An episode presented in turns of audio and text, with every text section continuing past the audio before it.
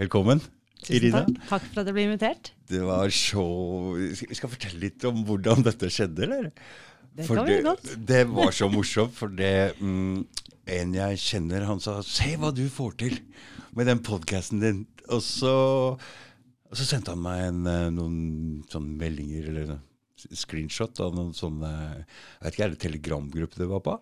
Jeg er med en eh, gruppe på Signal. Signal, ja. Mm. Og der kjenner jeg noen som eh, hadde gitt deg noe råd og noe greier, og så så du hadde sett på denne podkasten når Great Reset nummer to eller et eller annet. Og så kommer du på fly fra Spania, og så den, den videofilmen der, den var så kul. Den, den er så kul, og du, du går rett igjennom uten maske, uten Saken er det at det, jeg kom hjem fra, fra Spania for ja, det er vel en uke siden. Ja, det er en uke siden. Og dette var jo da før disse siste restriksjonene ble hevet opp. opphevet. Mm. Og så fant jeg ut at um, jeg, jeg kjenner at jeg egentlig har fått nok. Jeg uh, synes det virker meningsløst å følge regler som det ikke finnes noe grunnlag for. Mm. Og så hadde jeg hørt på den podkasten din, Mm. The Great Reset, Mm. del to. Mm. Um, og så står det jo, blir det jo veldig godt forklart at vi har et valg hvis vi setter oss inn i regelverket og gjør, altså, leser oss opp på rettighetene våre. Mm. Så kan vi faktisk velge hvilke regler vi vil følge. Og det kunne vi. Og det og det kan du. vi. Da, Mm. da valgte jeg å følge anbefalingene og takke nei til å bli testet. Mm. Og jeg var vel sikkert den eneste på Gardermoen den dagen hva vet jeg, som valgte å takke nei. Fordi de aller fleste tar jo ikke stilling til Nei, og det er litt Du, du var litt eh, jeg, Så du var litt spent, Mm. Jo, jeg var litt spent, for jeg, jeg liker jo å være en person som følger reglene. Jeg Mm. er, jo, jeg er jo på en måte ikke noen rebell, jeg er jo ikke noen anarkist. Eller jeg er jo på en måte ikke mm. en som på en måte eh, unødvendig liker å stikke meg ut av mengden hvis ikke jeg må. Men akkurat nå så kjenner jeg at jeg er så utrolig skremt over hvor lydige og konforme vi er blitt i Mm. dette samfunnet. Jeg, jeg kjenner ikke igjen mine egne naboer og familiemedlemmer og venner og kjente. Mm. Og jeg har jo bakgrunn som journalist. Jeg har vært journalist hele livet. Og så lurer jeg også på hva som har skjedd med den norske pressen, at ikke, vi, at ikke flere stiller flere kritiske spørsmål Til dette, ja. til dette. Ja. Så da valgte jeg å teste det selv, og det var derfor jeg altså tok opp samtalen. fordi jeg ble jo oppfordret til å huske å dokumentere, ja. Eh, sånn at ikke folk i ettertid kan påstå at jeg har slått meg vrang på Gardermoen. For det gjorde jeg jo ikke. Jeg takket pent nei til testing og ba om å få gå. Mm. Uh, og dette dokumenterte jeg da på denne lille videosnutten som du da har sett, Mm. som jeg delte i signalgruppen. Og det er jo faktisk så enkelt som å si at nei takk, jeg ønsker ikke å bli testet, jeg er frisk. Mm. Og så fikk jeg lov til å gå. Mm. Det Og jeg, som jeg sa til deg i stad, den videoen der, den, den viser alt. Den har alt. Den lille kuttet der, den viser at du er litt sårbar, litt usikker, tøff som bare det. Og jaggu meg så står det noen og jubler deg ut velkommen når du kommer ut der. Og du kjenner dem ikke. Nei. Det er så Nei, det er jo eh, Det hadde vært utrolig morsomt hvis din og en inkurie skulle høre denne podkasten. Fordi det står et voksen par der, ja. og de legger jeg egentlig ikke merke til idet jeg kommer ut av tollen. Mm. Um, en voksen dame og en voksen mann. Uh, og så må jeg da snakke med tre ulike vektere før jeg får lov til å gå. Mm. Og idet da denne voksne mannen ser at jeg kommer ut av sperringene, og de åpner, åpner opp for meg så jeg kan gå, Mm. så ser du at hele mannen liksom lyser opp. Han er bare så jublende glad da, på, på mine vegne. det. Så ble jeg stående og snakke med de når vi utveksler noen få ord. Og, og, da, og da sier jeg jo det, sant, at vi er nødt til å tenke selv. Vi er Mm. nødt til å liksom sette oss inn i For det er ingen som tenker for oss. Det er det det, er ingen sier. som tenker for oss. Det er viktig å huske på. oss. Det er, Det er ingen faktisk som tenker for deg. Du er nødt til å tenke selv. Mm. Og det virka som det der var helt Han bare åpna opp med en gang. Vær så god. Han som faktisk var in charge, han som Ja. hadde muligheten til å ta en beslutning, han Mm. Så spør han meg hvorfor vil du ikke teste deg. Så sier jeg jeg er ikke syk, Mm. jeg er frisk. Mm. Og så svarer han alle er jo friske. og så bare, måtte vi bare smile litt begge to. Ja, det er poenget mitt. Og så sier jeg at innreisereglene sier at vi må teste oss innen 24 timer. Oh, ja. I så fall kan jeg ta en hjemmetest. Mm. Mm. Da skjønte han på en måte at han hadde ikke så mye å argumentere med, så da Nei, åpner han. Så det var det. Det var det som var greia. Jeg kan teste meg. Det er frivillig. Det var det du sa. Mm. Mm. Jeg kan teste meg hjemme. Så det er alt man trenger å si. Ja, altså det kanskje, hva vet jeg, det kanskje kommer an på hvem du treffer på jobb den dagen. Ja, mm. Um, og jeg tror jo også det at, det at jeg er helt Forsøker i hvert fall så godt jeg kan da, å være I come in peace. Jeg, jeg har jo ikke tatt på meg boksehanskene idet jeg går gjennom tollen her. nei. Eh, men jeg har jo satt meg inn i regelverket. Mm. Jeg har, eh, jeg har sørget for å være i en rolig sinnsstemning. For jeg tror meg, hvis du, hvis du provoserer meg, så kan jeg jo bli ordentlig krakilsk, jeg òg. Mm. Og da tror jeg kanskje at de kunne holdt meg igjen av andre grunner. Ja. For det var jo en i den signalgruppen som sa også at uh, du kan jo uh, forberede deg på også at du kan bli holdt tilbake av Mm. Altså hvis du er et uromoment på en offentlig plass, så kan du bli holdt tilbake av andre grunner. ja. Mm. Men av smittevernhensyn så er det ingen grunn til at jeg skal tilbringe to timer ekstra på Gardermoen Mm. for å gjennomgå en test som jeg ikke ønsker å ta. Mm. Det er viktig hvis man ikke Jeg ser jo på dette som et stort skuespill og går rundt med de greiene der. Og jeg syns ikke man skal delta. Jeg er litt enig i at det der tar min uh, selvtillit og min, litt av min uh, Hva skal jeg si min, Jeg veit ikke hva jeg skal kalle det engang, men jeg vil ikke være med på det.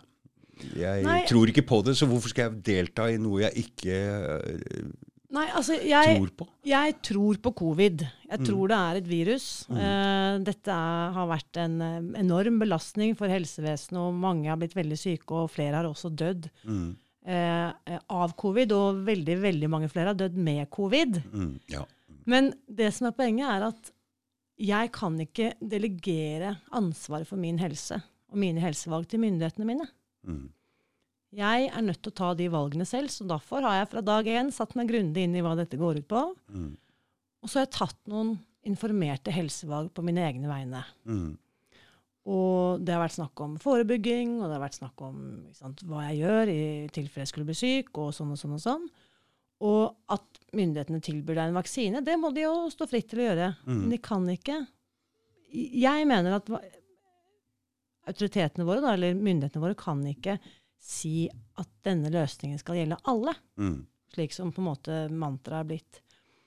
Og jeg har jo jobbet med helse nå i syv år, etter at jeg For nå kommer vi inn på hva du egentlig driver med. Ja, jeg, og jeg driver jo med helse. Mm. Egentlig er jeg journalist. Mm. Og så falt jeg eh, inn i et helt parallelt univers, nemlig kosthold og helse og medisin, og ikke, sant, ikke minst hvordan helsemyndighetene våre opererer. Da. Mm. Og bakgrunnen er at jeg har vært overvektig hele livet. Mm. Eh, fra jeg var ja, tipper at jeg var, begynte på min første slankekur da jeg var ti år gammel. Mm. Og jeg var vel kanskje ikke så tjukk så, i, i virkeligheten som det jeg var inni mitt hode, men jeg fikk i hvert fall denne tanken på at jeg er for feit, jeg må gjøre noe. Og dette tror jeg i hvert fall veldig mange av dine kvinnelige lyttere kan kjenne seg igjen i. At det å starte på ny slankekur hver mandag, det er, det er en utrolig kjip spiral å være i. La meg spørre noe om det med slanking. For det er det sånn at kroppen, når du sulter deg, at den er lettere for å legge på Ja, seg enn seinere? At det er egentlig en negativ ting? For det, personlig, altså jeg spiser så mye jeg kan, og jeg har aldri slanka meg, men jeg klarer heller ikke å legge på meg. Nei, og, men la oss si da at du hadde mm, prøvd å spise så lite som mulig for å slanke deg. mm, Og det er egentlig det helsemyndighetene våre råder oss til. Spis mindre mm, og tren mer mm, mm, for å gå ned i vekt. mm, Så Det betyr da at veldig mange av oss har da redusert kaloriinntaket til under det kroppen trenger. Mm. Og, når, og så øker vi i tillegg aktivitetsnivået ved å jogge eller trene eller styrke eller hoppe tau eller hva vi gjør. ikke sant? mm, Så da skulle man jo tro at kalorier inn og kalorier ut, det går på en måte i minus, slik at kroppen skal frigjøre fett og gå ned i vekt. Poenget er at når kroppen blir så stressa, for den kroppen tror at nå er det sultkatastrofe, Riktig. så det kroppen svarer med å gjøre, er å skru ned alt av forbrenning.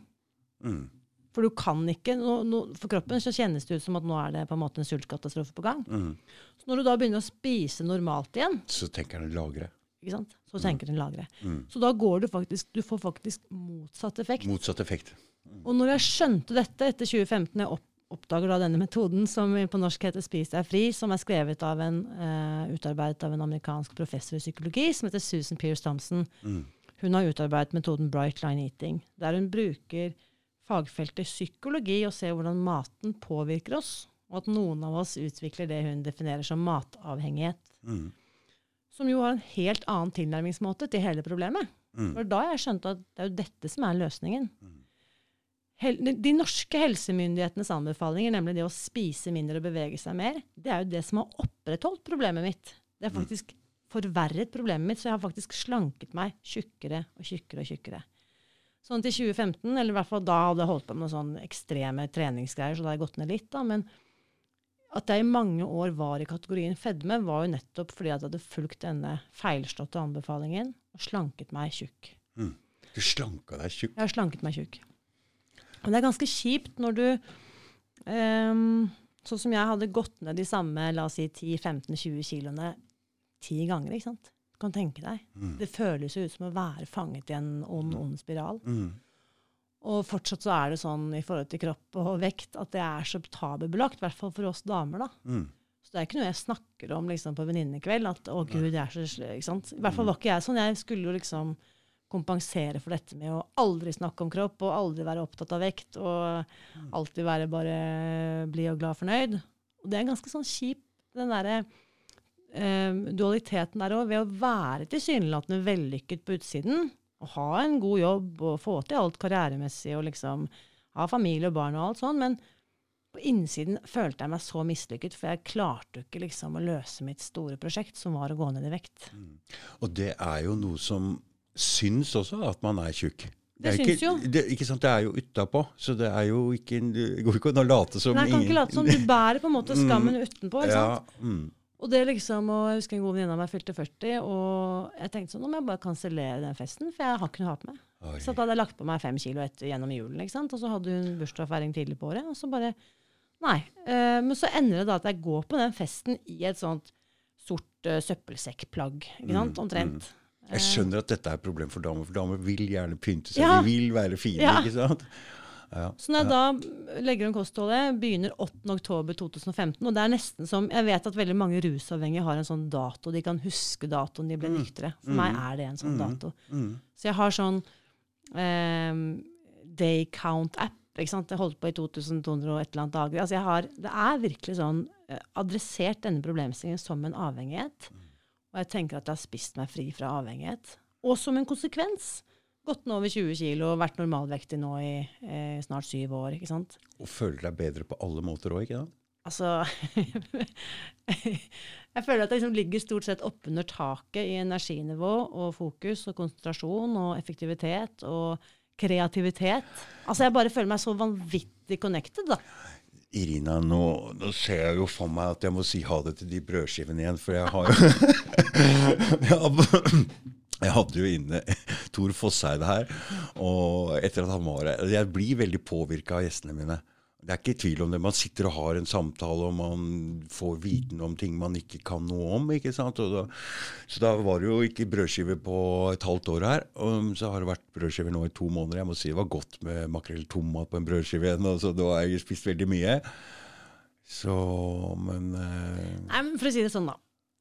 Du er åpenbart ikke motivert av vekt engang. Du det, er ikke, det, det har aldri vært vekt. Nei, det er bra. Jeg- ikke sant? Så det er ikke der. Ja, bra. La oss snakke helse. Mm. Og så de aller fleste, hvis de gidder, eller tar seg tid, eller bare stopper opp et øyeblikk etter at de har spist noe, så kan man bare liksom lukke øynene og kjenne etter hvordan føler jeg meg nå. Og da allerede der får du jo noen veldig verdifulle svar. Mm. vi snakker om å ligge på sofaen i sånn kompekoma, ikke sant? hvis du har spist liksom raspeball. Eller at dagen etter et veldig stort, heavy måltid, så, eller senere på kvelden, så kan du føle deg helt sånn utladet. Mange snakker om meltåke, eller sukkertåke. At de føler liksom at det er nesten en sånn bakrusfølelse. Hvis de har spist veldig mye godteri. Og så er det jo bare liksom å spole litt tilbake og se hva er det jeg har spist i dag, eller hvordan har denne maten påvirket meg. Og det Susan Pearce Thompson snakker om da, i, i denne boken, eh, Spis deg fri-metoden, den går jo da ut på at vi kutter ut enkelte matvarer. Em, Hvor konsekvent da? Helt konsekvent. Helt konsekvent. Det er, det er som Vi sammenligner jo med en avhengighet. Så hvis du skal bli tørrlagt, så kan du ikke drikke Nei, litt nei, øl på lørdag. det, det vet jo jeg noe om, for det Altså, jeg kunne ikke touche det på mange, mange Altså, det var ikke snakk om Du kan ikke ta litt lenger. Nei, kan ikke ta litt. Kan ikke ta litt. Det er i hvert fall mye enklere å kutte ut helt. Mm, mye enklere. Mye enklere. Samme med røyken også. Jeg skjønner ikke de som driver pirker og tar litt røyk og litt røyk, for det er en sånn seigpining. Jo, og det er det som er så interessant, da, for at for deg og meg er det åpenbart sånn. Mm. Jeg prøvde å bli festrøyker i mange år, jeg òg, før jeg skjønte at jeg måtte bare kutte ut. Fordi at det, noen av oss blir liksom hekta. Jeg er i den kategorien. Mm. Ja, ja. Jeg kan ikke ta litt. Nei. Så jeg hadde et ønske om å bli festrøyker, men det funket ikke. Nei. Og jeg skjønte når jeg oppdaget denne metoden, at det gjelder det samme. Jeg kan ikke drive med litt. Nei. For da er jeg tilbake hele godteskålen. Liksom. Mm. Så de fire enkle reglene, viser jeg enkle regler med gåseøyne, For det er jo enkelt å forstå, men det er ikke alltid så lett å følge. Mm. Regel nummer én er at vi kutter ut sukker. Mm. Regel nummer to er at vi kutter ut mel. Og mange lurer på hvorfor kutter vi ut mel. Hva, er, er mel, hva er mel i spagetti og sånne ting, eller er det mel i det? all, spagetti er jo bare mel. Det er bare mel, ja. Pizza, pasta, alle disse tingene her. Er Brød. Alt er bare mel. ja. Så det er en del ting som må vekk. Ja, sukker, mel, og så spiser vi bare tre måltider om dagen. Så all den der småspisingen, eller sånn som jeg opplevde at jeg var på beite fra morgen til kveld Mhm. ikke sant? Alltid stappet noe i munnen. Det, det forsvinner, for vi spiser bare tre store, komplette, fullverdige måltider. Mm.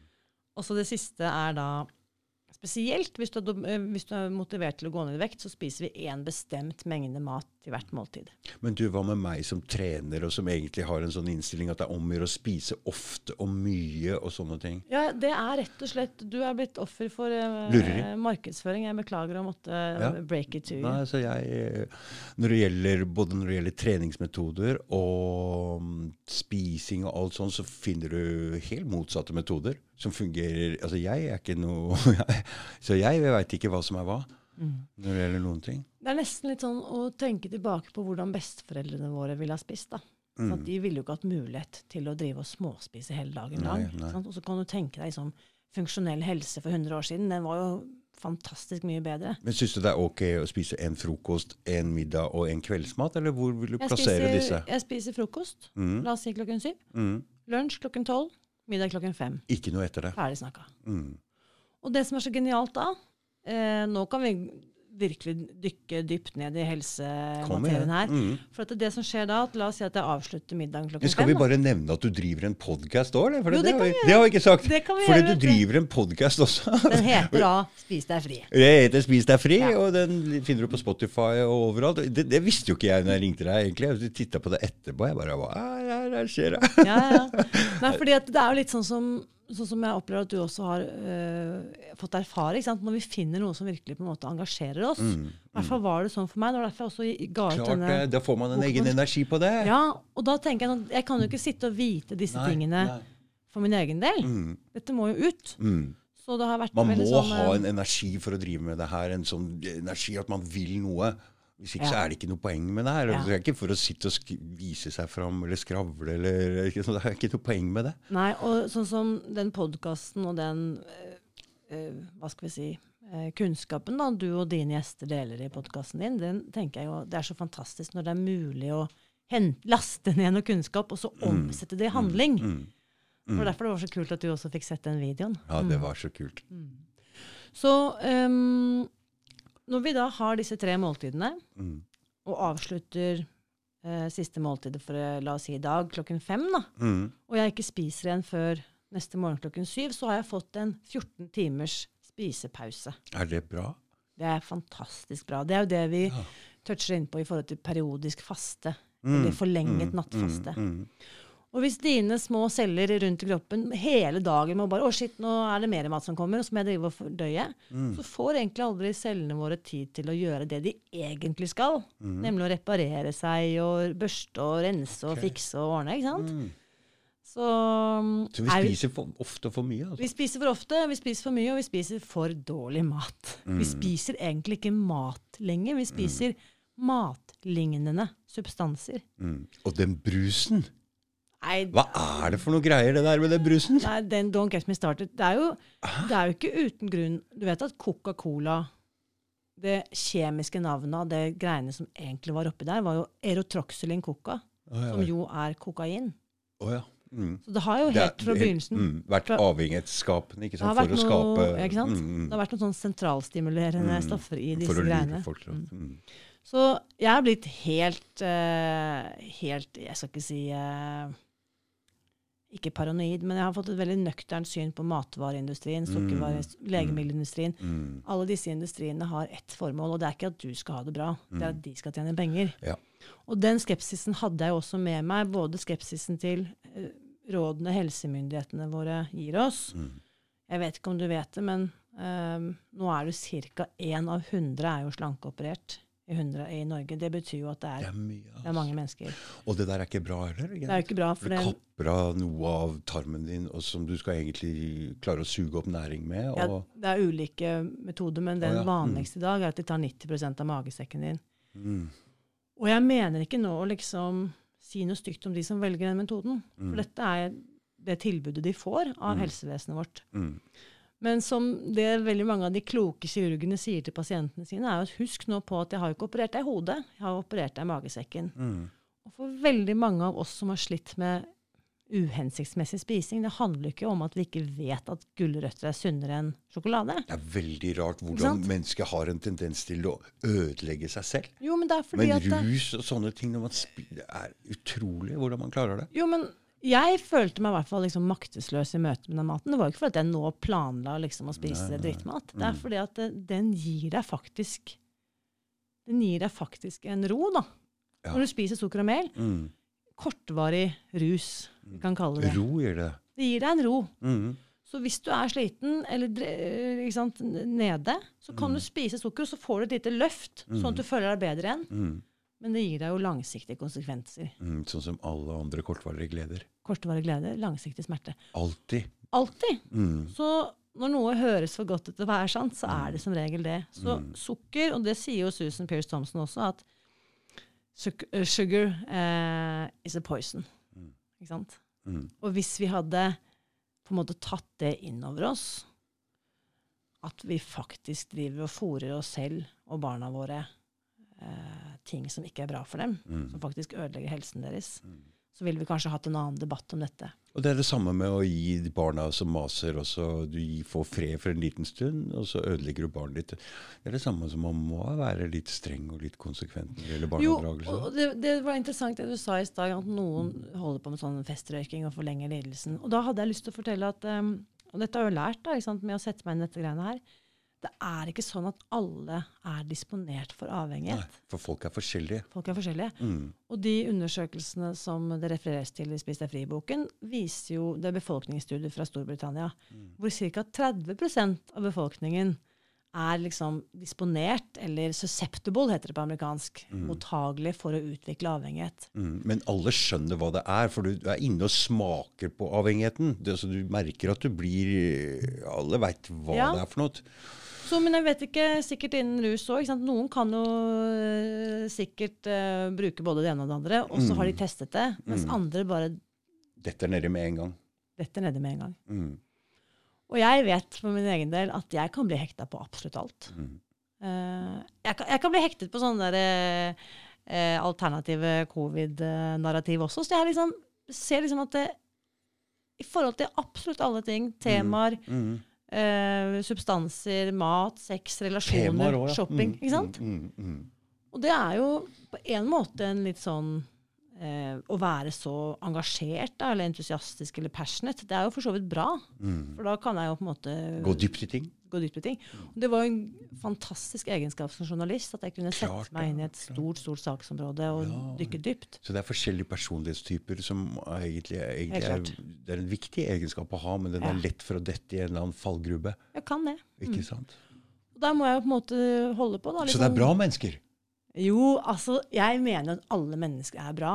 Ja, ja. Absolutt. Jeg, det mener jeg helt seriøst. Men jeg tror vi har av og til litt ikke så bra strategier Mm. for å ta vare på oss selv. Og jeg tror jo at de som nå står liksom øverst på barrikadene og kjemper for at vi skal ha koronapass, og at alle må teste seg hver dag, og at vi må vaksinere oss opp og ned eh, ikke De sant? mener bare, vi mener også bra. Ja, men de mener også bra. Mm. De, ja, jeg veit det. de, De mener også bra. de er genuint gode mennesker. Jeg vet. Mm. Det. Det jeg syns er kjipt, øh, og om vi snakker sant, Apropos liksom slankekirurgi, da. Mm.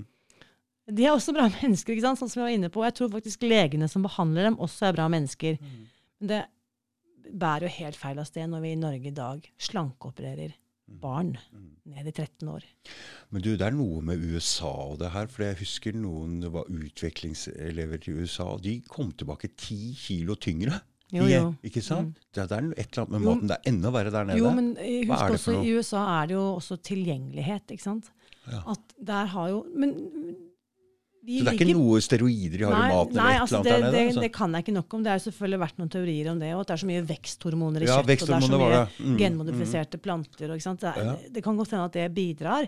Men det vi ser da på befolkningsstudier, er jo at USA ligger bare 10-15 år foran oss. Ja. Så vi kommer dit, vi òg. Mm. Eh, og i hvert fall syns jeg nå, når jeg går på badestranden sammen med barna mine om sommeren, når jeg ser, de, når jeg ser barnebefolkningen, så syns jeg i hvert fall at jeg selv ser mange flere svært overvektige barn og unge Mm. enn bare for 10-15 år siden. Mm.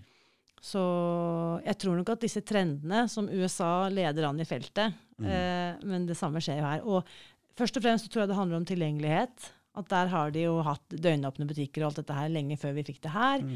Eh, det- disse her big gulp-greiene. Du kan kjøpe liksom et drikkebag med 1,4 liter brus. Ikke sant? Så de der, de der brusholderne i bilene og sånn, de er jo store nok til å holde en sånn popkornbøtte med brus, liksom. Men folk begynner å bli litt mer bevisst på det her, eller? I Norge, tenker du på? Nei, Overalt i verden? Jo, men det er jo ikke mangel på kunnskap som gjør oss tjukke. Det er bare det at vi ikke klarer å stå imot det. Det har vel vært mangel på kunnskap? Det var jo ikke samme for, for 20 år siden eller 15 år siden? eller? vi har alltid visst at det er bedre å spise brokkoli og egg enn ja. mm. pasta og, og godteri. Mm, ja, det har vi jo. Eh, men det er noe med, ikke sant Tenk på rusmisbruk òg. Det er jo ikke fordi at du Nei, ikke ja. vet Nei, at rus er skadelig. nei, nei, Det er fordi at du, i hvert fall har jeg tenkt at det er fordi vi ikke har noe valg. Eh, valget har vi vel, men Altså, man blir fanga i det. At vi blir fanget i det. da. Mm, man blir fanget Og i det å det. bryte ut av det, det krever For det første, da, tenker jeg at for det første må du ville å komme ut av det. Mm, det med rus er at du blir jo fanga inn i en livssituasjon hvor du plutselig ikke har penger, og du har ikke jobb, og du har miljø, og plutselig så er det så vanskelig å komme inn i en annen Du må jo Mm. forandre Det tar tid å forandre et sånt forandret sin egen verden så totalt da, når du har surra deg ned i Uten jobb, uten Det tar tid å bygge seg opp en ny, ny tilværelse. Men jeg, jeg vil tippe, da, sånn som når jeg var, eh, fortsatt var overvektig og satt fast i maten, Mm. så kunne jeg se rundt meg og tenke Å, hun venninnen min, eller han kollegaen min der, eller de som har disse perfekte livene, som er normalvektige. Inni mitt hode så kunne jeg tenke at de hadde det bra fordi at de var normalvektige, eller ikke slet med det samme som meg. da. Mm. Men så når jeg på en måte satt meg inn i det, så tenker jeg at den isolasjonen, da, eller det tankefengselet jeg lagde for meg selv, vil jeg tippe kanskje ikke er så ulikt det tankesettet en, en eh, rusmisbruker eh, kan ha. Mm. Og så skjønte jeg også at eh, matmisbruk og rusmisbruk leder egentlig til det samme. Det fører til utenforskap. Mm. Altså Er du tjukk nok, så slutter du å gå på fest. Du Mm. isolerer deg hjemme. Mm. Misbruket skjer bak lukkede dører. Mm. Man sitter jo ikke og misbruker verken rus eller uh, mat i all offentlighet. Det skjer på en måte når du er i ensomhet. ikke sant? Mm. Og den tilbaketrekningen fra storsamfunnet den ser jeg veldig tydelig blant matavhengige også. Mm. Og det fører på et eller annet tidspunkt til en tidligere død. Jeg tror bare maten tar livet av deg litt saktere enn harde rusmidler. Mm. Men sykdommen vi snakker om, er egentlig helt identisk. Mm. Hva slags, eh, altså Det er en hel bok om det her, men um, hvis du skal gi oss bare noen korte Det er bare å kutte ut sukker, mel og Kutt ut sukker, kutt ut mel, spise tre måltider om dagen. Mm. Hvis Store måltider? store måltider. Mm. Og de måltidene er også sammensatt på en måte som gjør at du får i deg eh, La oss ta lunsjen, da, for eksempel. Mm. Grønnsaker, Mm. frukt. Mm. Så det er ikke lavkarbo, faktisk. Vi spiser frukt og Men hva- var den frokostblandinga jeg nevnte oppe i stad, med Ja, masse frukt og havregryn og nøtter og sånn? Det er ett måltid tipp topp, ikke sant? ikke sant? Vi spiser ikke brød, men vi, spi, altså, vi spiser ikke ting som ender på mel. Vi spiser ikke maismel, hvetemel, speltmel, rismel. Melgreier hvor du har på en måte tatt kornet og bare raffinert det til dette fine, hvite pulveret. Mm. Det spiser vi ikke. Nei. Men vi spiser råvaren i sin naturlige form. Så vi spiser havregryn, f.eks. Mm. Um, Men så jeg som må ha med meg lunsj på jobben, da, for eksempel, da blir det bare å glemme den frokostblandinga. Så hva skal jeg ha oppi der? Jeg har brukt veldig den- mye cottage cheese før, og Cot kjøtt og sånn. Det kan du fortsette med. Cottage cheese og kjøtt. Det er fantastiske. Det regnes da som proteinkilder. Mm. Og så har du, skal du ha masse grønnsaker. Mye mer enn det du tror. Mye mer enn det, du tror ja. Og det kan være alt. Du velger selv hva slags grønnsaker du vil ha. Mm. Og det kan være salat, tomat, agurk. Majones og sånn, da. Majones kan du ha i form av Ja, for du skal også ha en viss andel fett. Mm. Så som fett så kan du regne majones eller rømme eller Mm. ikke sant? smør. Mm. For du må jo ha litt grann, um, Ja. Og så skal du ha eh, frukt, ja, grønnsaker, protein og fett. Og hvis du da eh, ønsker å, sånn som du nevnte, gå opp i vekt, mm. så skal du til lunsjen også ha med korn. Og det kan være ja. ris, potet. Så ris og potet er ok. Det er ok. Takk. Ja. fordi jeg skal si en ting. fordi eh, når jeg ikke spiste verken ris, potet eller brød eller noe av de tinga, så var avføringa mi veldig løs, altså. Det, altså, det var ikke eh, altså, det, og, eh, For å si det sånn, når du er sjåfør, og doen er kanskje en sånn nøddo på en eller annen bensinstasjon Det er ikke veldig Nei, bra. og her må jeg bare Det er fint at du bare bjuder på, og la oss Ja, gå ja, dit, ja, liksom. mm. Eh, fordi uansett hva slags kosthold du legger om til, i begynnelsen så vil du få det som vi kan kalle førstforverring. Ja. Og det er det samme som hvis du ikke har trent før, og begynner å trene, så blir du støl. Du kommer Mm. ikke unna, Nei, nei, liksom. nei. Så den magen kommer til å være litt trøblete. Noen Mm. blir forstoppet, andre får løs mage, sånn som du beskriver. Ja.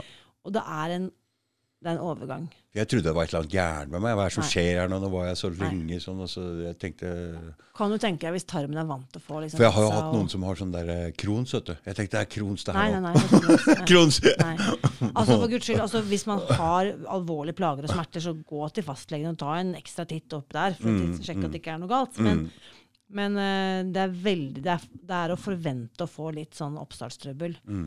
Um, men hadde målet vært å gå, nekt, gå ned i vekt, så anbefaler vi da at du ikke spiser uh, korn da, Mm. til lunsj og middag så lenge du skal ned i vekt. Men så etter hvert så putter man jo da på Mm. mer og Så gulrøtter, søtpoteter og alt sånt er helt innafor. Helt innenfor. Da trenger man ikke brød, altså.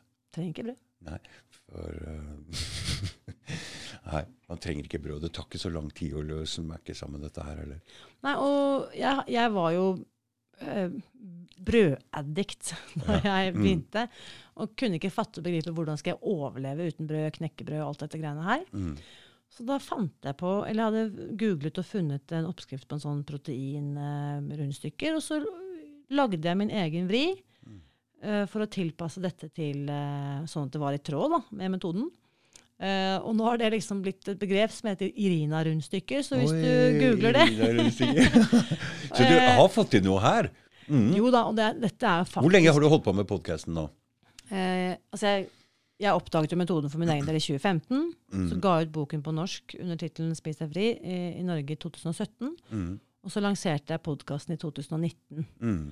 Så nå denne uken kommer vel ja, Vi er på 125 episoder. Oi, Ja, ja. du er skikkelig proff! 125. Så her forleden så Er det én hver uke cirka med deg? Eller? Hver søndag. Å ja, en hver torsdag. Ja. Så da er det bare å logge inn her på torsdag, og så telle ned dagene til søndag og lytte til da. Og jeg gjør jo sånn som deg, ikke sant? jeg inviterer jo kjempespennende mennesker. Det er veldig kult. også. Og jeg har jo på en måte I første sesong, hele 2019, så kan du faktisk høre hele boken gratis. Jeg har bare lagt ut lydboken gratis. Du leser den sjøl. Jeg leser den selv. Mm. Eh, så for de som ikke sant, Av ulike grunner er ikke alle som digger å lese bøker. Nei, og så kan man gjøre noe annet, men man Ja. sånn hører. ikke sant? Det er Ja. det som er hele greia i, med podkast også. Så da kan du høre hele lydboken. Mm. Og så fra sesong to, da, fra liksom januar 2020, så begynte jeg å invitere gjester. Mm. Og en av de første gjestene jeg inviterte, faktisk, det var Linda Granlund i Helsedirektoratet. Hun som har ansvaret oh, ja. for å utarbeide kost, kostrådene våre. Oi, så du tør å ta inn folk Ja, du er uenig med, du? Ja, men selvfølgelig må jeg det. Vi må jo snakke sammen, alle sammen sammen. Mm. Og da utfordrer jeg henne på dette her med øh, hvorfor anbefaler vi folk å spise sukker. Mm. Og, så, og det er en hyggelig tone. Det er jo ikke sånn at jeg skal nagle henne til veggen. det er jo ikke det som er poenget. Men jeg, jeg lurer seriøst på, når vi vet forskningen viser så vel sant, at sukkeret gjør oss ikke bra Det, det bidrar til så mye sykdom og elendighet. Hvordan fikk du lurt henne inn? Du? Jeg lurte ikke noen ting. Jeg var bare en helt åpen og redelig forespørsel. Jeg jobber med dette, har lyst til å snakke med deg om kostrådene. Mm. Og myndighetene våre er jo De stiller jo opp. Og, Ja, ja. De, mm. det er jo Spør du, så får du svar. Det har vært vanskelig å få han Bjørn Gullvåg og de folka inn her nå, vel? Jo, men også vil de selvfølgelig måtte prioritere, ikke sant. Mm. Eh, for de har jo bare 24 timer i døgnet, de òg. Men jeg syns det var veldig sporty av Linda Granlund å komme. Eh, og så spør jeg henne fordi i dag i kostrådene Og denne metoden er jo helt i, rå, i tråd med de offisielle kostrådene, bortsett fra at myndighetene sier begrens inntak av sukker og, sukker, ikke sant? Mm. Eh, og søtvarer. Mhm. Så sier vi da eh, kutt det helt ut. Mm. Så det er ikke så forskjell, egentlig. Det er ikke så forskjell. Mm. Um, og, så, og så spør jeg Linda Granlund da eh, hvilke anbefalinger har dere i forhold til alkohol? For det er også et lovlig nytelsesmiddel i Norge. Og så Mm. sier hun ja, der sier helsemyndighetene at ikke drikk alkohol for helsens skyld. Mm. Så tenker jeg ok, det er et fair råd. Mm. Og så utfordret jeg henne da. Kan du ikke si det samme om sukker? Ikke spis sukker for helsens skyld. Mm -hmm. uh, så hun er vel litt på glid helt på slutten, så sier hun noe sånt som at ja, ikke spis så veldig mye sukker da, for helsens skyld. så, men jeg tror det viktigste er at denne kunnskapen kommer ut. Og det som er så utrolig kult med, med Spis deg fri-boken, den har jo ligget på bestselgerlisten i flere år. Og, og folk begynner å skjønne her at vi kanskje må søke kunnskap andre steder. Vi kan ikke ensidig lytte til det helsemyndighetene våre sier. Mm. For til syvende og sist så tar ikke de ansvaret for din og min helse. Mm. Det må vi gjøre selv. Har du vært borti den 'Spis deg fri fra kreft'? eh, Har du hørt om det? Den har jeg hørt om, og jeg har jo null vekttall i medisin, så jeg har ikke satt meg inn i det, men jeg er helt overbevist om at vi kan gjøre, utføre mirakler ved hjelp av maten vi spiser. Mm. Det er jeg helt sikker på. Nei, han Terje Toftenes var jo her og fortalte om det der. Og det morsomme er at han er jo en, en av Norges mest spennende dokumentarfilmskapere. Og når han fikk en lymfekreft som var på utsiden av kroppen, som han kunne se kraft Så det var så svære som en sånn puck. Så kunne han jo hele tida se hvordan kostholdet gjorde at disse ble mindre og større, og hva som gjorde det. Og med en gang han tok seg en rødvin og en kake, så bare poff, boffa det opp igjen. Så han klarte å det var en uhelbredelig kreft eh, som han hadde fått, men med forholdsvis lang tid eh, før han fikk en dødsdom. Da. Så han tenkte jeg vil prøve noe annet. Jeg har såpass mye kunnskap her nå, så jeg vil prøve noe annet. Han klarte å bli kvitt den kreften på ni måneder, og etter det ikke noe. Og etterpå han reiser rundt i verden for å finne ut hva var det egentlig som skjedde her. Jøss, Så han snakker med de beste ekspertene for å finne ut hva dette var. Og um, det er sukker og mel og karbo det går på, som du må egentlig strupe ned. For det, disse kreftcellene de går over til å bli noe som heter anaerob. Så de, de lever på Det er for lite oksygen i blodet, tror jeg. Så de lever på karbon isteden. Her, altså, det er så mye på dette feltet. Mm. Uh, og dette er til dels også kunnskap som har vært kjent i flere tiår. Mm. Eh, og så er det grunn til å spørre hvorfor blir denne informasjonen Jeg skal ikke påstå at den blir tilbakeholdt, men den blir i hvert fall ikke promotert. Nei. Og da tenker jeg at det er av den enkle grunn at det er det ingen som tjener penger på. Mm. Hvis du får vite at du kan spise deg frisk, eller spise deg fri fra avhengighet, eller spise deg frisk fra kreft, eller hva det måtte være, Mm. ved å følge noen enkle kostråd, Det er det, for det, det ligger bak disse legemiddelfirmaene så ligger det styrer og aksjonærer som presser styrer til å ha en profitt. Og det er liksom ikke noen personlig ansvarlig som sitter som sjef der, som liksom ser hva de driver med. De ligger så langt bak det offeret som egentlig så, så, så Det er sånn det blir drevet. Så jeg vil jo si at min skepsis til legemiddelindustrien og helsemyndighetene startet ikke med covid.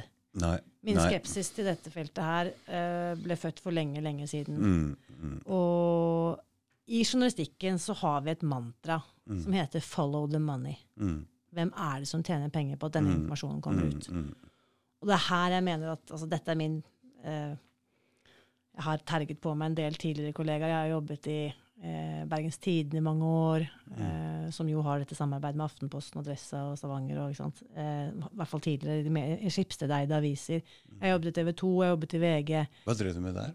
Er Nyhetsjournalist. Mm. Og de siste årene i Bergens Tidende så jobbet jeg jo som eh, politisk og økonomisk reporter, og jobbet også mye med utenriks. Oi, oi, Jeg har vært med i Stortingets presselosje, og jeg har på en måte sittet, i, sittet på disse pressekonferansene til Norges Bank med rentemøter rentemøter er det forskjell nå med hvordan pressen egentlig, hva de driver med her nå?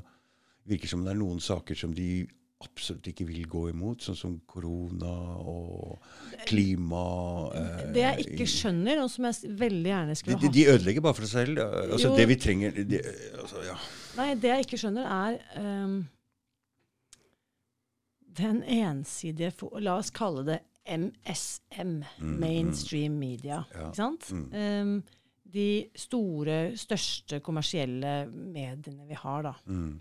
pluss NRK. Jeg vil jo si også at de har forundret meg veldig, denne pandemihåndteringen. Hvorfor skal de være så myndighetstro? Mm. Vi liker å kalle oss den fjerde statsmakt. Ikke sant? Ikke sant? Passe på. Ikke sant? Fordi at vi skal Og ha hvem er det som har makt? Og du må jo passe på de som har makt her, da. Og da lurer jeg på hvorfor har dette maktkritiske blikket vært så sløvet, da, om ikke Mm, annet. mm. Eh, det har jeg ikke fått noe godt svar på. Eh, Kan det være at f.eks. Uh, aviser og sånn har fått mye mindre penger pga. De selger jo nesten ikke løssalgsaviser lenger. At de må skrympe inn og ha mindre Journalister får mindre tid til å sette seg inn i ting. Kan det bare være en naturlig forklaring med det? det, det kan være en naturlig forklaring med det, og jeg tviler jo ikke på at uh... Det er veldig lett å bare ta en sånn greie som de får servert, og så bare skrive det. Istedenfor å gjøre noe Her er det jo, og dette er det ikke bare jeg som på en måte har på en måte observert, men er det én yrkesgruppe i det offentlige som har est ut de siste ti årene, så er det jo informasjonsmedarbeiderne. Mm. Så det sitter jo folk i alle departementer og alle etater og alle Mm, institutter som er stort sett tidligere pressefolk, Mm. som utarbeider ferdige pressepakker. Ferdig med vinklinger, ferdig med case, altså person som er liksom berørt, ferdig med ekspertuttalelser. Leverer det bare til avisene. Vær så god. Det. Mm. Det samme broren min sier. og Hvis du vil ha et eller annet, så må du ringe dem og bare gi dem den ferdig. De har ikke tid til noen ting. Du må skrive ferdig. Musikkbransjen. Så. Eh, Du må skrive ferdig Ja. artikkelen som om det er en ferdig på en måte kokt nyhetssak. Mm. Nå skal ikke jeg si at alt det du leser i avisen er plantet der av informasjonsmedarbeidere. Men det er veldig lett da, for dem å bare ta en sånn pakke og skrive og, uten å gjøre noe med det. Ja, og det er Um, Det som er så interessant, er Du kan høre f.eks. etter covid-narrativet, så kan du høre på en pressekonferanse at La oss si f.eks. Nakstad kommer med en uttalelse, og det er noen ord han bruker. Mm. Og så kan du se at det blir gjentatt i absolutt alle nyhetssendinger. Alt Mm. av Mm. mediedekning, sånn og sånn. Eh, og dette, denne debatten rundt eh, koronapasset har jo vært veldig interessant, syns jeg, da, i så retning. Eh, hvordan Vi snakker om at denne eh, i dag, altså To år etter at vi, nå er det snart to år siden vi startet, så i dag snakker vi om tvangsvaksinering som et reelt alternativ. Altså Hadde noen sagt det sant, for to år siden Folk ville trodd at du hadde klikket. at Da, da oppfører vi oss som Og i hvert fall med vaksine som ikke virker. Det er også selvfølgelig et godt poeng. Men selv om det hadde vært en eh, vaksine som hadde vært i gåsehudene totalt eh, bivirkningsfri og kjempeeffektiv, Mm. grunnleggende prinsipp i vår egen helsestrategi har jo vært at det skal være vaksinefrihet. Du, vi må få velge også En ting er det du putter i munnen. Det blir i hvert fall gått igjennom et rensesystem. Men når du skal putte noe gjennom disse barrierene, som egentlig mavesyre, mavesekken er, er jo en, vi løser opp det, tar unna de verste tinga, og rett inn i kroppen en injeksjon. Da må vi få lov å stille spørsmål. Hva er det i den? Hva er det for noe? Hvorfor må jeg ta den? Og vil jeg ta den? Og, og når presset blir for stort, så må vi i hvert fall få lov å si nei hvis ikke vi vil. Jeg, jeg tenker jo at uh, alle de som tar den, og alle de som velger å la være å ta den eh, Og det må være et personlig valg. Eh, og det respekterer jeg uansett. Sånn må vi ha det. Jeg synes vi må ha det. Og det må være det som amerikanerne kaller eh, informed consent, et, et opplyst valg. Mm. Eh, og jeg nevnte det så vidt i stad, sant, dette med at vi i Norge i dag faktisk slankeopererer barn ned i 13 år. Mm. Og det mener jeg da trosser dette prinsippet om at det skal være et informert helsevalg. Fordi vet egentlig, kan foreldre egentlig ta dette valget på vegne av sine barn? De er jo ikke gamle nok til å ta valget selv. Nei. Hvordan kan vi tillate det? For dette vet, det eneste vi vet, er at dette inngrepet vil gi dem livsvarige bivirkninger. Gjør det? Når du fjerner 90% av magesekken til et menneske, så vil du uansett, hvor frisk du er i utgangspunktet, måtte eh, Ta medisiner? ta medisiner resten av livet. Mm. Og det samme tenker jeg, ikke sant. Eh, tenk på den årlige influensavaksinen da, som har kommet i alle år. Mm. Det er jo ingen som har takket nei til influensavaksinen som har blitt stemplet som antivaksere eller det som verre er. Mm. Mm. Eh, eller vaksinenektere, som Aftenposten eh, omtaler denne gruppen på, på lederplass i avisen. Jeg syns på en måte at eh, det offentlige ordskiftet er blitt så utrolig polarisert. Mm. Det er ikke lov å stille spørsmål Mm. uten å bli stemplet som det ene eller det andre. Men du, Irina, jeg fikk en veldig god tanke her for, i forrige uke. Vi trenger en ny avis Ja, nettopp. som klarer å være balansert. som klarer å ta inn alle synspunkter. For nå har MSM, som du kaller det, de har blitt helt eh, ekstreme. Og de, ikke, de klarer ikke å balansere ting i det hele tatt.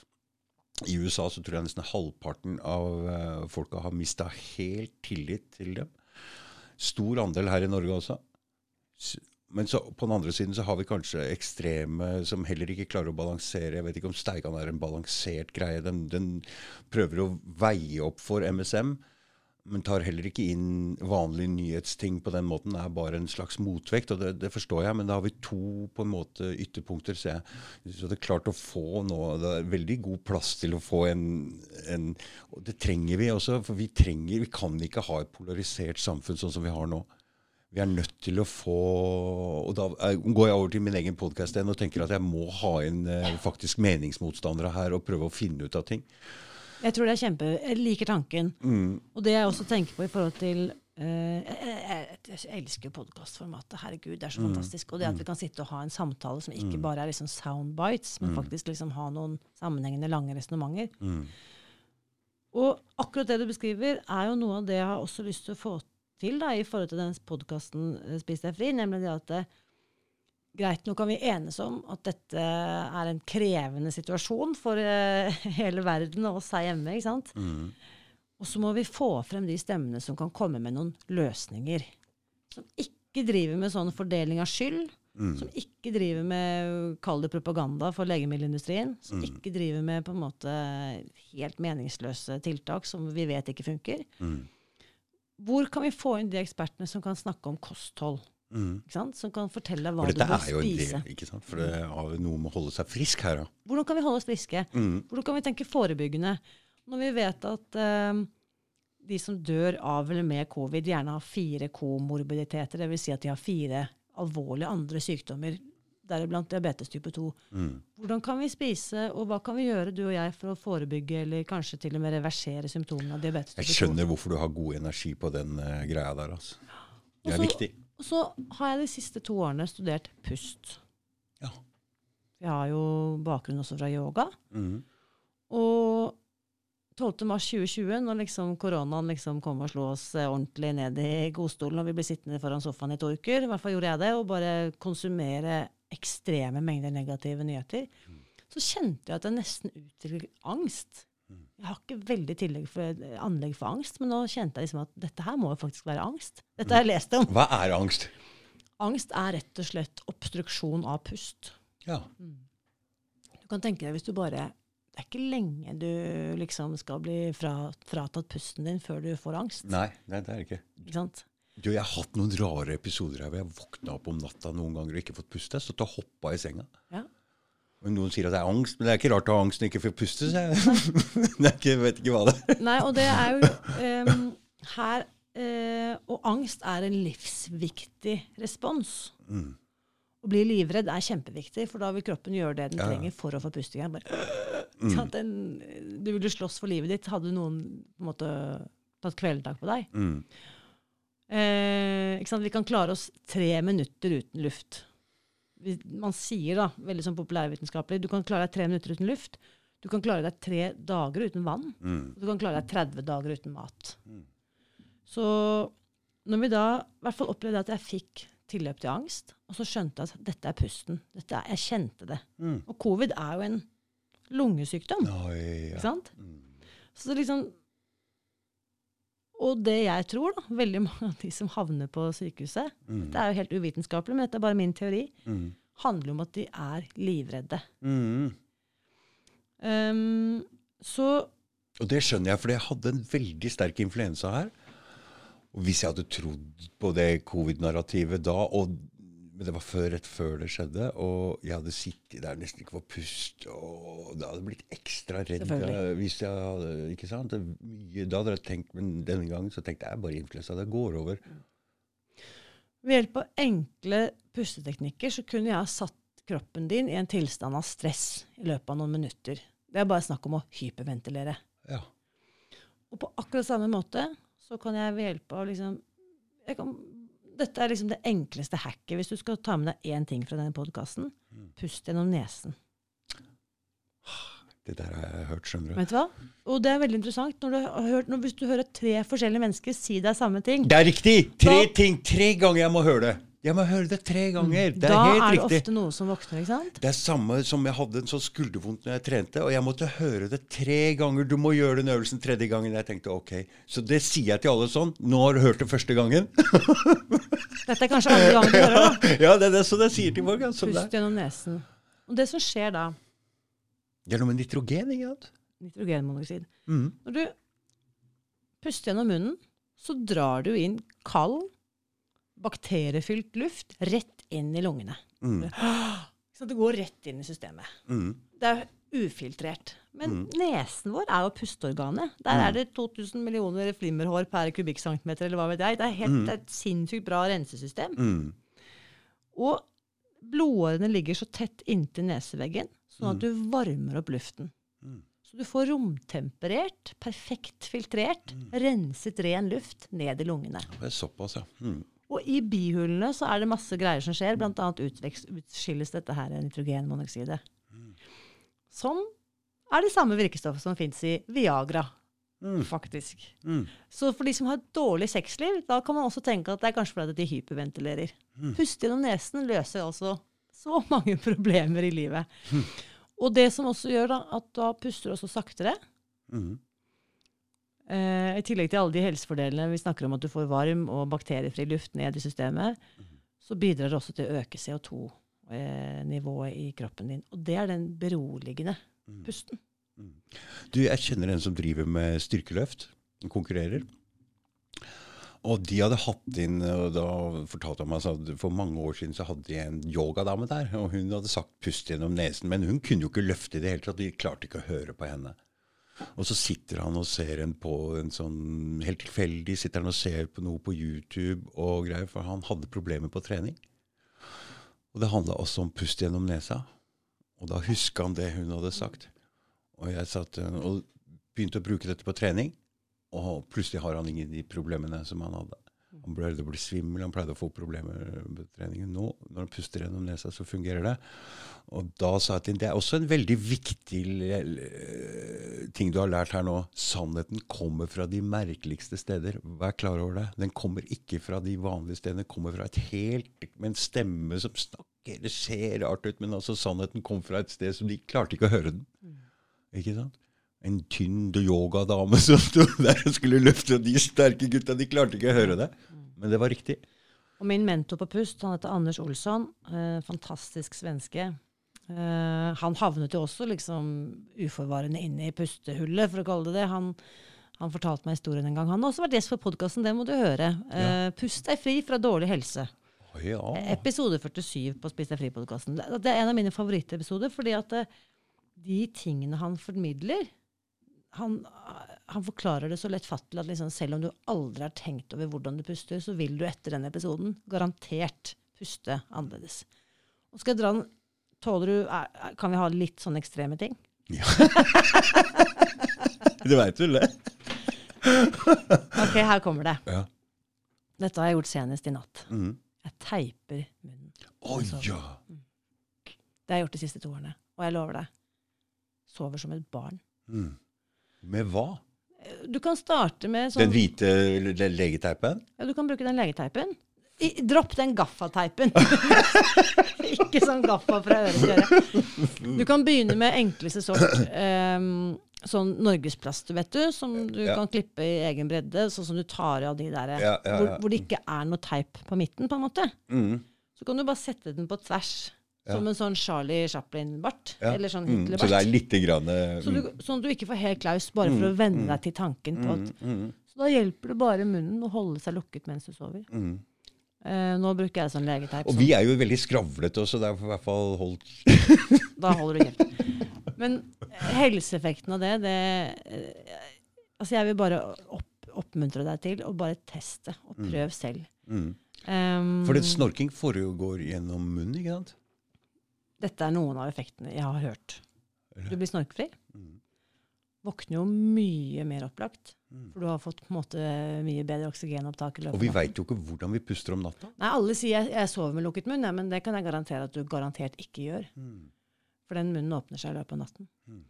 Eh, hvis du opplever at du er noe som helst tørr i munnen i løpet av natten, så, kan du, så er det garantert at du har Ja, pustet ja. med åpen munn. Eh, for dette er også sånn dameproblem, men veldig mange av oss må jo stå opp om natten og tisse. Mm. Det, måtte Det er manneproblem, det. Det er manneproblem òg, ja. For det er jo sånn prostatagreie. og- Ja, men da- Kan jeg love deg. Ja, For jeg våkner alltid om natta. nesten, Ja. skjønner du. Jeg har også gjort det etter at jeg ble mamma, så har jeg våknet klokken fire hver eneste natt og måttet på do. Mm. Et, når jeg teiper munnen De nettene jeg glemmer det, så må jeg opp igjen og stå og tisse klokken fire. Opp og tisse, klokken fire. Men når jeg teiper munnen om natten, så sover jeg natten gjennom. Og grunnen, dette er jo da min mentor Anders Olsson som har forklart meg dette i detalj, det er at um, eh, CO2-nivået i kroppen påvirker også den glatte muskulaturen. Og rundt urinblæren så er det da denne såkalte glatte muskulaturen. Mm. Um, og så kan du tenke deg at Hvis du har en urinblære som har litt sånn stram muskulatur, den blir liksom bitte liten, og da klarer du ikke å holde på så mye tiss. ikke sant? Mm. Når den får muligheten til å slappe av, så klarer du også å vente lenger med å gå på do. Mm. Så det er en umiddelbar helseeffekt. at du slipper å, Og da sover man jo mye bedre hvis man slipper å våkne midt på natten. Mm. Uh, og jeg har også, for jeg tok jo da en instruktørutdanning selvfølgelig dette her, og på det første kurset hvor vi hadde 30 30 deltakere, så var det hun ene som var med fra Nord-Norge. Hun kunne slutte med CPAP-maskin. Sånn puste, de som har sånn pustemaskin som de sover med om natten. Mm. Men Ved hjelp av å teipe munnen på natten. Mm. eh, mm, så har vi den der nesesprayen og det greiene om mange Jeg også noen ganger har litt sånn tett nese uten at jeg er forkjøla. Hva er det for noe? Men det er jo, det? eh, Anders Olsson har et fantastisk begrep. Han sier 'if you don't use it, you lose it'. Ja. Så dette handler jo også om at for at nesen skal funke optimalt, så må Mm. du faktisk bruke den. Mm. Og du må trene på det. Mm. Og du må øve den opp. Skal Og, mm. Så da kan du kutte ut Da, da mister jo Trevin en kunde, da. Men eh, Mm. For det blir man også avhengig av, det greiene det blir vi også avhengig av. Mm. Det gir deg en kortvarig løsning, Mm. Alle kortvarige løsninger. Men det gir deg faktisk Alltid. Alltid de kortvarige løsningene gir deg alltid lengre problemer på sikt. langsiktige konsekvenser. Skal vi aldri gjøre noe som kortvarig glede lenger, Nei, Irina? Skal vi bare tenke langsiktig? Jo, men tenk så digg, da. Å kunne gå inn i alderdommen og slippe å være avhengig av masse medikamenter. Mm. Har du sett at, eh, pilleboksene de går rundt med? Å, fytti rakkeren. Mm. Hæ? Etter hvert? Jeg er ikke interessert, altså. Nei, jeg skal ikke ha, altså. Jeg vil ikke, ha. Mm. Nei, Jeg vil ikke ha det. Så det er så mye vi kan gjøre ved hjelp av Og, og dette er heller ikke noe sånn eh, Så ny pust og spising og Pust, mat og søvn. pust Ta vare på de tre tingene, så er du good. Mm. Og det, i forhold til det med trening eh, Hvis du går ut sant, i, i skogen eller eh, når du ser folk jogger, Mm. så kan du bare begynne å observere. Puste med munnen. Alle puster med munnen. Det ser ser- ut som de er mm, jaget av ville dyr. ikke sant? De, Ja, det ser ut som de er på flukt. Vet du hva de alltid sier på Jeg ser mye på UFC, på den fightinga. Og med en gang folk begynner å åpne munn, så kommer kommentatorene. Ah, 'Nå har han begynt å åpne munn. På, nå, nå, nå, er nå er det nesten over', omtrent, sier de da. For at eh, de pleier å mene at hvis du har åpen munn, så er kjakan din mer løs også. Hvis du får et treff her nå, så blir du Men jeg tror det også har noe med at eh, det er et eller annet som da Men det handler om stressnivå. ikke sant? Hvis jeg må begynne å hive til luften, mm, så er jeg på en måte i det der autonome nervesystemet som heter det sympatiske eh, responsen. Og det er fight or flight. mm, Og da tenker jeg dårligere. Da Mm. blir faktisk sidesynet snevret inn. mm, Klarer ikke å være så løsningsfokusert. Jeg er redd. mm, Mens hvis du klarer å roe ned, mm. så er du det såkalte parasympatiske nervesystemet. Eh, populært kalt rest and digest. Kan slappe av. Kroppen føler seg trygg. Blodet kan strømme til eh, fordøyelsesorganene. Du, du får bedre fordøyelse, sover bedre. Så det er, det er faktisk ganske interessant å bare se på hvordan folk puster, så kan du nesten si noe om hvordan de har det på innsiden. Blir sånn der pustepsykolog som bare Fordi du først begynner å legge merke til ting. Ikke, Ikke sant? Og det er det som er faktisk litt kjipt med å ha mye kunnskap, og så ser jeg f.eks. på disse menneskene eh, Jeg har kontor i Bogstadveien nede i byen, eh, på Majorstua. Så går jeg gjennom Bogstadveien, ikke sant. Så ser jeg på en måte Men du, hva jobber du med kontor? Jobber du med dette her på fulltid? Spiser jeg fulltid. Ja. Mm. 100 Mm. Mm. Og Kurs og kurser og nettkurs, podkast. Vi jobber nå med en tredje bokutgivelse. Vi, vi sier du nå. Ja, altså, vi har jo kolleger. Mm. Ja. For det står et eller annet på, på podkasten. Det står media, et eller annet Ja, moderne media. Moderne de, media. Ja, ja. det er de som jeg gir ut podkasten sammen med. ja. For de har flere podkaster også. De så har jo massevis. De har over 100 podkaster. De, der der Å, er det en hel skog med masse kule podkastere. Mm. oh, ja. Er, hva, hva, hva, er det et studio, eller hva er det for noe? Ja, de har et studio, men de har først og fremst De er på en måte bare en hub, eller en paraply, da, for Å, ja. veldig mange podkastere. Mm. Så når jeg, jeg spiller inn eh, podkast, så sender jeg bare lydfilene til moderne media, og så ordner de resten. Å ja. ja. Det er veldig lett å laste opp sjøl, da. Jo da, men eh, jeg liker å bruke tiden min på bare de tingene jeg elsker å gjøre, sånn som å snakke med folk, f.eks. Ja. Så kan noen andre ta ja, ja, opplastningen. ja. Helt Men det er Mm. så bra å ha gode samarbeidspartnere, da. Mm. Og gode folk å jobbe sammen med. For jeg hadde jo ikke fått til dette alene. Nei. Og det er jo det som er så genialt, at i dette Jeg har jo ikke noe Men jeg har fått det til alene. Jo, men du er jo Ikke alle er som deg, vet du. jo, Nei, jeg- jeg kan ikke veldig mye sjøl men heller. i begynnelsen gjorde jeg jo alt, absolutt alt selv. Det gjorde jeg. Mm. Um, og så jo, jo etter hvert som dette vokser, og jeg har gjort absolutt alle feil i boken som gründer. Ikke sant? Uh, helt vilt mye feil jeg har gjort. Mm. Og så har jeg bare tenkt at dette har vært liksom min høyere utdanning da, innen entreprenørskap. Mm. Um, så i dag så er vi et lite team. Uh, har leid et lite kontor i Bogstadveien. Men poenget mitt var at når jeg går, går til jobb, Mm. så ser jeg alle disse menneskene som går med munnbind. Mm. Med Oi! Jo, ikke Pusten! sant? Pusten, ikke sant? Oi, Og de går med hvitt oppsperrede øyne. Og det er, det er på en måte, Du kan se det i befolkningen. Det er synlig angst Mm. ute og går. Mm. Og i hvert fall kjenner jeg et dypt ubehag. Og det blir enda vanskeligere å puste gjennom nesa med den maska. Det går ikke. Det går ikke engang! Så du- blir rett og slett kontinuerlig deprivert for oksygen. Så det er, oh, så bra. Jeg har aldri hørt den forklaringen, men jeg har hørt at det å gå med maske ikke kan være så bra. Men når, det er, når du legger hele den nesepustinga ja, inn i det- følinga her, så skjønner jeg det. veldig mye av den luften du puster ut, den vil jo da Du har jo ikke tilgang på frisk luft, for du har et filter mellom deg og luften. Mm.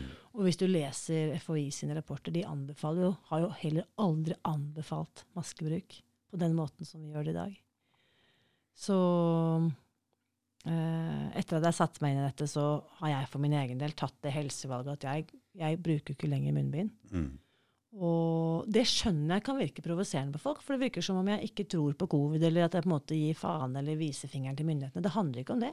Det handler om at jeg tar et informert Fordi, fordi du vet det, ikke sant? Jeg vet hva Mm, dårlig pust fører til hos meg. Mm, mm, Og jeg ønsker ikke å utsette meg selv for dårlig helse. mm. Og ikke bidrar jeg til at du får bedre helse heller. For jeg Hvis noen tror at disse virusene ikke slipper ut av det munnbindet så Vi snakker ikke om liksom centimeterstore biter her. Som skal liksom, det er ikke sånn det viruset ser ut. Um, så det blir på en måte bare en Jeg vet ikke hvorfor, liksom, at uh, vi gikk fem på altså på den munnbindgreia. FHI, bare Sjekk FHI selv hvis folk ikke tror dette. her. Mm. De har altså aldri anbefalt munnbind. Og de sier også i tidlig i rapportene at det er en fare for at det kan øke risikoen for annen type sykdom ved feil bruk av munnbind. For vi blir faktisk mer utsatt for bakterier Mm. nettopp når vi puster gjennom munnen. Mm. Alt blir jo dratt ufiltrert ned i systemet. Så eh, ja, hvor skal vi begynne? Det er så mye kunnskap vi skulle liksom alle skulle ha tilgang på. Men så tenker jeg sånn Vi har travle liv. Det er unger og Mm, mm, boliglån, og det er jobb, og det er hjemmekontor. Ikke sant? Men derfor er det viktig med sånne som deg, som setter seg inn i ting og bare kommer med en kortfarta løsning på det. Jeg ville sagt la munnbindet ligge. Hold meteren. altså Myndighetene gir oss ut Ja, ja, ja. Hold meteren, eller, Hold meteren. Mm. Hold meteren, og pust med nesen. Mm. Og spis tre måltider om Ja. dagen. Og Kutte sukker og mel og spis tre ja, måltider. mm, men det er, ganske, det er ikke veldig vanskelig. Nei, Det veldig mange opplever, er jo at det er vanskelig å få det til i praksis. Og Det er derfor vi har nettkurs. Det var jo heller ikke det som var planen min. Jeg ville bare ha boken ut. Og så begynte folk å spørre hvordan skal jeg gjøre det. Hva skal jeg spise til frokost? Så som du også sier, kan jeg spise cottage cheese? Mm.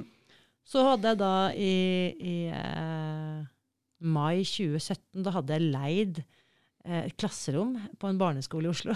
Mm. Og der kom det 15 damer. Mm. hver mandag så hadde vi kurs, liksom. Ja. Og så fikk jeg jo en mail, da. Eh, I bor i Molde. Eh, kan du komme til Molde og holde kurs? Oh, ja. og så tenkte jeg jeg kan jo ikke reise nå rundt fra klasserom til klasserom og invitere 15 damer på kurs. Nei. Så høsten 2017 så hadde jeg mitt første nettkurs. Mm. Og nå siden den gang så er det faktisk tusener på tusener som har tatt disse kursene. Mm. Um, Så det, sprer seg, denne det viten. seg. Så du det, har fått til det du ville. jeg har fått det til i den forstand at nå vet at denne kunnskapen Nå finnes denne boken på alle landets biblioteker. Mm. Kunnskapen er på podkasten gratis. Mm. Sånn at de som sitter fast i liksom disse løsningene som ikke funker, de har i hvert fall et alternativ de kan teste. Mm. Da gjør du en viktig jobb, Irina. Her. Jo, jeg Ikke føler det. Jo, takk. Mm. Det er fint. Jo, det er spennende. Ja. For man, det beste man kan gi seg sjøl, det er å føle at man bidrar med noe, eh, et eller annet som kan hjelpe noen, eller eh, Jeg tenker et, forbedre noe, eller For du, hele tida, mennesken er jo i utvikling, og vi skal jo prøve å som samfunn og som Ja. personer å prøve å Mm. lære mer, bli litt flinkere, forstå litt mer. Vi skal jo videre, vi skal jo ikke stå her. Vi skal ikke stå her. Og jeg tror liksom hele nøkkelen er samarbeid.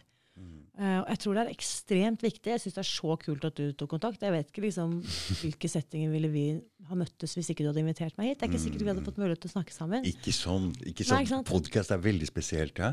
Vi har tid til å sitte og prate en lengre samtale. Nesten, samtaler er jo nesten Fins ikke lenger. Nei, ikke sant?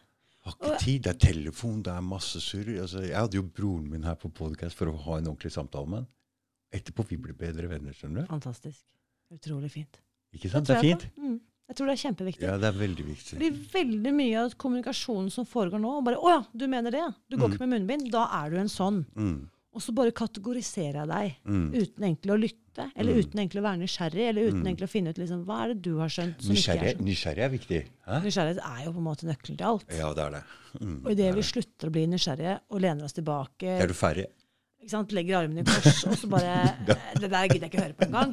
Da kan du bare legge på røret. Ja, det er det jeg mener. Det er akkurat det samme. Når du ikke er nysgjerrig, ikke vil vite mer, ikke vil lære mer, da er det på en måte den livsenergien din litt ferdig, ja. Ja. Og det er det jeg tenker eh, Veldig mye av det eh, Det faremomentet jeg ser, er at det virker som det er så mange som har sluttet å tenke selv. At de har delegert liksom, tankeprosessen til noen andre. At jeg Mm. velger å stole på, eller jeg velger å tro på det de og de sier til meg. Mm. Og så tenker jeg tillit er fint, det. Mm. Men for Guds skyld, Ta ansvar for deg sjøl. ta ansvar for din egen helse. Mm. Måten du puster på, måten du spiser på, hva du injiserer i kroppen din. ikke sant? Mm. Ta det valget selv. Mm. Mm. Det er ingen som gjør det for deg. Som du sa, tenk sjøl, det er ingen som gjør det for deg. Skal vi si at vi er ferdig, Det var fantastisk. Takk for veldig hyggelig Ja, takk skal du ha. Greit. Ha det.